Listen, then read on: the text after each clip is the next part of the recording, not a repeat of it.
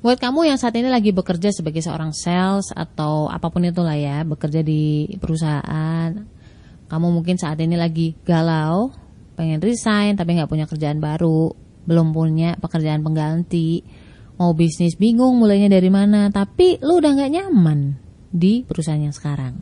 Gue akan ceritakan sebuah kasus yang barangkali akan lebih bisa membuat kamu relate dengan materi kali ini. Materi kayak kuliah aja.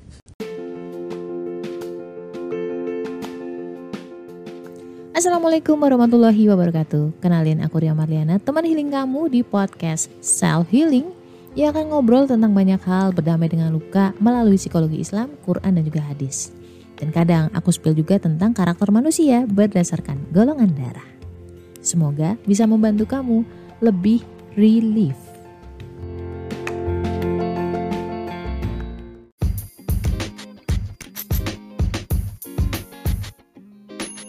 Kenapa sih golongan darah B itu pelupa? Susah banget ingat nama. Cuek, nggak pekaan, nggak perhatian. Bedah itu semua dari buku cerita tentang karakter golongan darah B dengan judul Beauty in a Beast. Order sekarang, link di bio ya.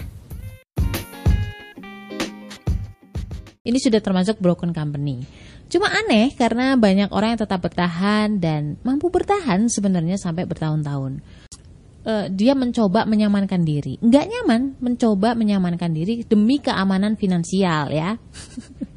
Kadang demi gaji ya kan, mikir cicilan. Padahal jiwanya sebenarnya tidak nyaman. Broken company ini adalah perusahaan yang katanya sih sangat sangat sangat membuat karyawannya stres. Di sebuah perusahaan itu nggak ada satu reason yang mutlak. Pasti ada banyak reason-reason yang lain. Contohnya nih, leader, teman-teman kerja, job deskripsinya itu sendiri, sistemnya, customernya, dan lain sebagainya. Itu menjadi reason-reason yang bisa memunculkan mental health issue. Sayangnya nih, sayangnya belum banyak perusahaan di Indonesia yang aware soal ini. Mereka paling cuma ngasihnya gaji ditinggiin, ya kan, fasilitas mobil. Kita pikir itu hal yang bersifat materi itu bisa menenangkan jiwa lo. Padahal kalau lo tahu di ilmu psikologi, materi itu tidak bisa menyentuh jiwa kamu. Jadi ceritanya ada seseorang nih, dia mau resign. Ya kan? Sebenarnya nggak cuma dia doang yang resign, ada banyak yang resign. Cuman aku akan highlight satu orang ini. Gue nggak bisa sebut namanya dan gue juga nggak boleh sebut perusahaannya. Apalagi perusahaannya bisa-bisa gue disomasi.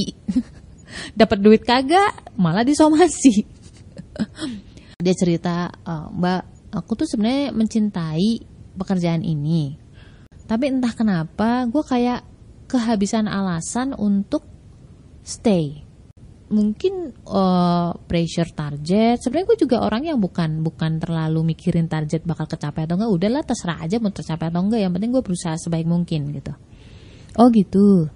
Terus terus kalau teman-teman juga sebenarnya mereka asik-asik sih. Ya walaupun ada satu dua orang yang uh, agak-agak nyebelin tapi itu nggak jadi soal kalau buat saya. Dia bilang gitu. Terus uh, sistemnya ya gimana ya namanya perusahaan itu nggak akan ada perusahaan yang yang sempurna gitu kan mbak. Dan masalahnya apa? Orang jadi bingung loh. Kamu mau resign karena apa? Akhirnya gue marah-marahin dia. Ya gue bingung. Kan kan kalau golongan darah B diceritain harus gamblang kan yang cerita. Gue harus bisa relate. Nah nggak bisa relate ini. Terus saya dia lanjutin lagi. Aku nggak tahu kenapa tapi kayak aku exhausted gitu. Aku lelah dengan semua ini. Yang aku sendiri nggak tahu kenapa. Wah kalau udah ngomongnya kayak gitu itu udah ke jiwa gitu. Udah ke perasaan yang nggak cuma perasaan kalau perusahaan itu masih surface ya. Perusahaan perusahaan perasaan perasaan. Perasaan itu masih surface. Senang sedih lu masih bisa tahu alasannya. Itu berarti masih di perasaan. Cuman kalau udah lu kehabisan kata-kata lu nggak tahu lagi alasannya kenapa itu udah sampai ke jiwa. Tolong kembali ke pemilik jiwa. Siapa? Allah lah masa pasangan kamu? Emangnya lagu oke lanjut dulu. Akhirnya pada titik dia nggak tahu um, harus bagaimana dan dia nggak tahu kenapa tapi yang pasti dia udah nggak nyaman. Cuman ketika mau resign mbak aku kan ditanya tuh sama bos gua yang pertama tanya-tanya bos gue juga nggak berani untuk apa ya nahan gue uh, at the end dia cuma bilang bahwa kalau udah dipikirin masak-masak ya udah nanti coba uh, ngobrol sama bos besar gitu ya setelah beberapa hari, selang beberapa hari, dia di WhatsApp sama bosnya, yang bos besar, bilang bahwa aku agak worry dengan satu hal gitu kan. Basa-basi dulu lah intinya. Aku agak worry dengan satu hal. Yaitu kamu mau resign gitu. Bosnya yang besar, bosnya yang besar, bos besarnya ngomong kayak gitu. Boleh nggak misalkan kita ngobrol dulu diskusi aja diskusi biasa ngobrol biasa gitu. Anak ini awalnya juga deg-degan kan aduh aku tuh udah nggak nyaman banget takut ditahan gitu ya. Udah pengen pergi pengen udah bisa nggak sih pergi aja? gitu. Udah sih resign aja tapi akhirnya karena dia nggak enak juga sama si bos besar ya udahlah biar clear sekalian dia bisa ngomong apa adanya dia ngasih feedback juga kalau misalkan bermanfaat ya udah akhirnya dia melakukan sebuah semacam small talk yang awalnya tuh dikasih waktu 30 menit dia akhirnya molor sampai sejam ya. Kayak ini sih kalau gue menurut gue ya lebih cenderung kayak sesi psikolog sih ketika dengar ceritanya ya. Jadi diceritain dia ngobrol banyak si anak itu dan si bosnya yang gue suka adalah si bosnya bos besarnya ini dia selalu mencatat uh, feedback feedback apa pun masalah-masalah yang surface-nya. Belum belum ngomongin jiwa tapi dia udah ngomongin sistemnya teman-temannya uh, semua lingkungannya dia gali digali sama bos besarnya. Bos besarnya tuh cowok kebetulan juga bukan orang Indonesia. Ya khas orang-orang bule gitulah yang bisa men, men, men, mengklarifikasi sesuatu. Oh jadi kamu gini ya oh menurut kamu jadi gini ya? Oh gitu. Saya catat dulu ya. Oh harusnya sih memangnya kayak gini. At the end semua unek-uneknya si anak ini keluar. Dan dia merasa didengerin. Walaupun belum tentu dia bisa merubah keputusannya, belum tentu juga perusahaannya bisa merubah dirinya gitu. But at least kalau gue ngeliat bosnya tuh bagus dari cara dia mendengarkan, terus memah mencoba memahami ya, karena kan temen gue orang Indonesia, uh, artinya kan ada perbedaan bahasa di sini. Itu aja udah jadi PR. Tapi bos ini tuh mau mau mendengarkan carefully, uh, mengklarifikasi apakah benar maksud kamu ini, gitu ya. Setelah endingnya dia bilang mensummary, mensummary itu jadi ada poin-poin yang kamu nggak suka ini, ini ini gitu kan. Hal yang dia bisa bantu, misalkan memang itu wewenangnya dia, si bos besar ini langsung memberi solusi ini. Dan beberapa hal memang dia agak surprise juga si bosnya ini karena oh ternyata ada ada masalah kayak gitu ya. Oh aku baru tahu gitu. Nah, bosnya cuma bilang, saya cuma bisa minta kamu considering lagi gitu, mempertimbangkan kembali karena saya lihat kamu itu punya attitude yang baik, punya kepedulian yang tinggi terhadap perusahaan kamu ini. Aku akan jadi sedih kalau misalkan kamu jadi pergi, jadi resign. Bosnya bilang gitu. Si anak ini bilang, ya udah beri saya waktu sebulan untuk uh, considering it, tapi ada request dari saya gitu. Saya minta waktu tiap minggu weekly meeting small talk kayak gini setiap 30 menit aja. Sebenarnya layernya itu harus ke bos satu dulu baru ke dia. Bos besarnya oke okay, kalau gitu nggak apa-apa.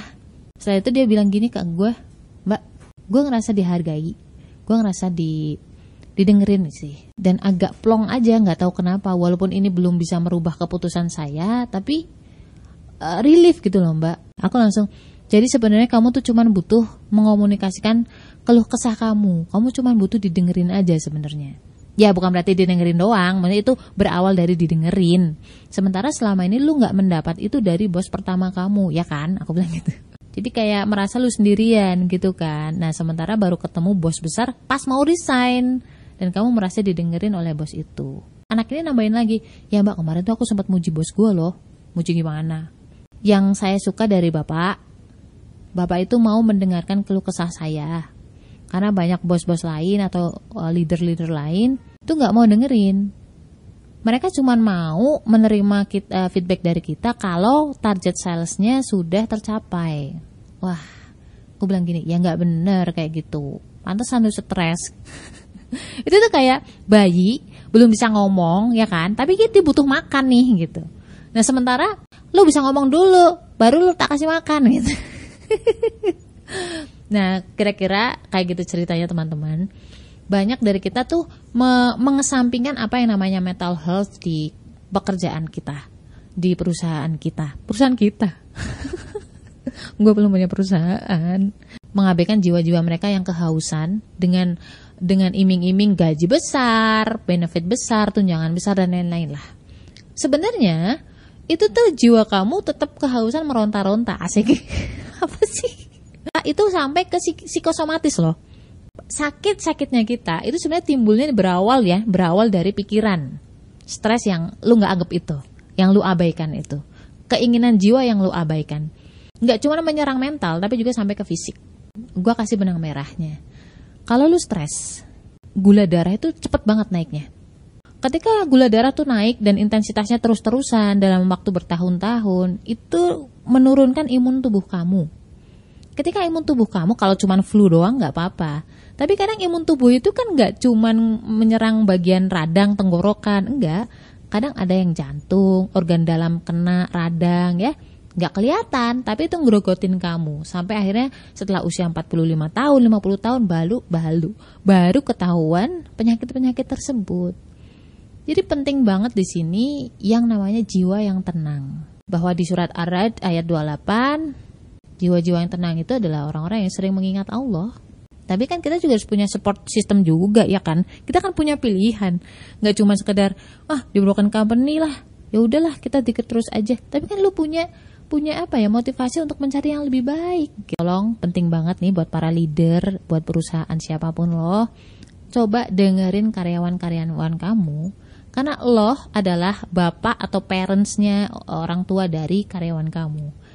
Bayangin lo punya orang tua tapi orang tuanya tuh diktator ya. Nggak mau dengerin ya stres tuh anak sama kayak gitu. Apa pun masalahnya. Hasbunallahu wa ni'mal wakil. La haula wala quwata illa billah. Stay love and assalamualaikum warahmatullahi